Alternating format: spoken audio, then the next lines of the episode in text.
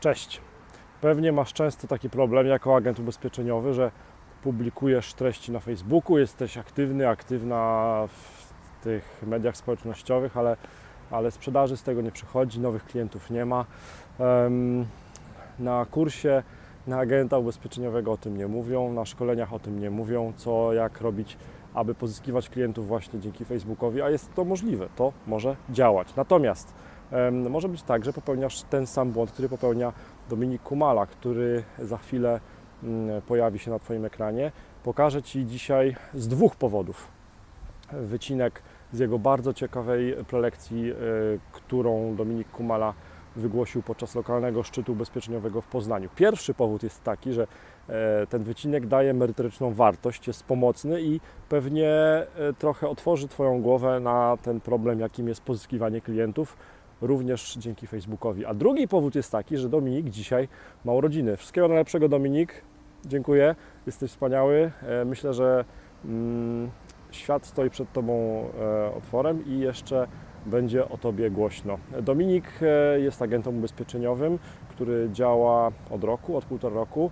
Większość swoich klientów ubezpieczeniowych pozyskuje właśnie dzięki Facebookowi, więc jest ekspertem i praktykiem tym temacie. Dominik, trzymam kciuki za Twoją dalszą karierę. A teraz mm, urywek, wycinek z Twojej prelekcji podczas szczytu ubezpieczeniowego w Poznaniu. A jeżeli ktokolwiek chce więcej informacji i zobaczyć całe wideo z tego szczytu ubezpieczeniowego, no to link oczywiście zamieszczę pod filmem. Miłego dnia! Ja z początku swojej drogi popełniłem kolosalny błąd, czyli udostępniałem treści sprzedażowe. Pisałem różne promocje, informowałem, że u mnie możemy kupić to i to. E, I to działało w taki sposób, że w ogóle nie działało, tak? Więc y, to jest naprawdę strata czasu i nie warto takich rzeczy robić, informować ludzi, że my sprzedajemy, tylko bardziej pomagać im za pomocą tej treści, a potem w treści umieszczać informacje sprzedażowe, tak zwany call to action, czyli tutaj mamy e, taki zwrot, który nawiązuje do tego, że wywołujemy jakąś akcję na kliencie. Raczej, że on może gdzieś tam kliknąć i się na przykład z nami skontaktować. Takie trzy podstawowe rzeczy, e, jeżeli przygotowujemy się do pisania tej treści, musimy sobie zadać, kto jest naszym klientem. Takie pytanie. Bo inaczej piszemy do klienta biznesowego, czyli do firm, a inaczej zwracamy się do klienta indywidualnego. Inaczej będziemy pisać treść do klienta, który szuka ubezpieczenia majątkowego, a inaczej będziemy pisać do klienta, który szuka najtańszego OC.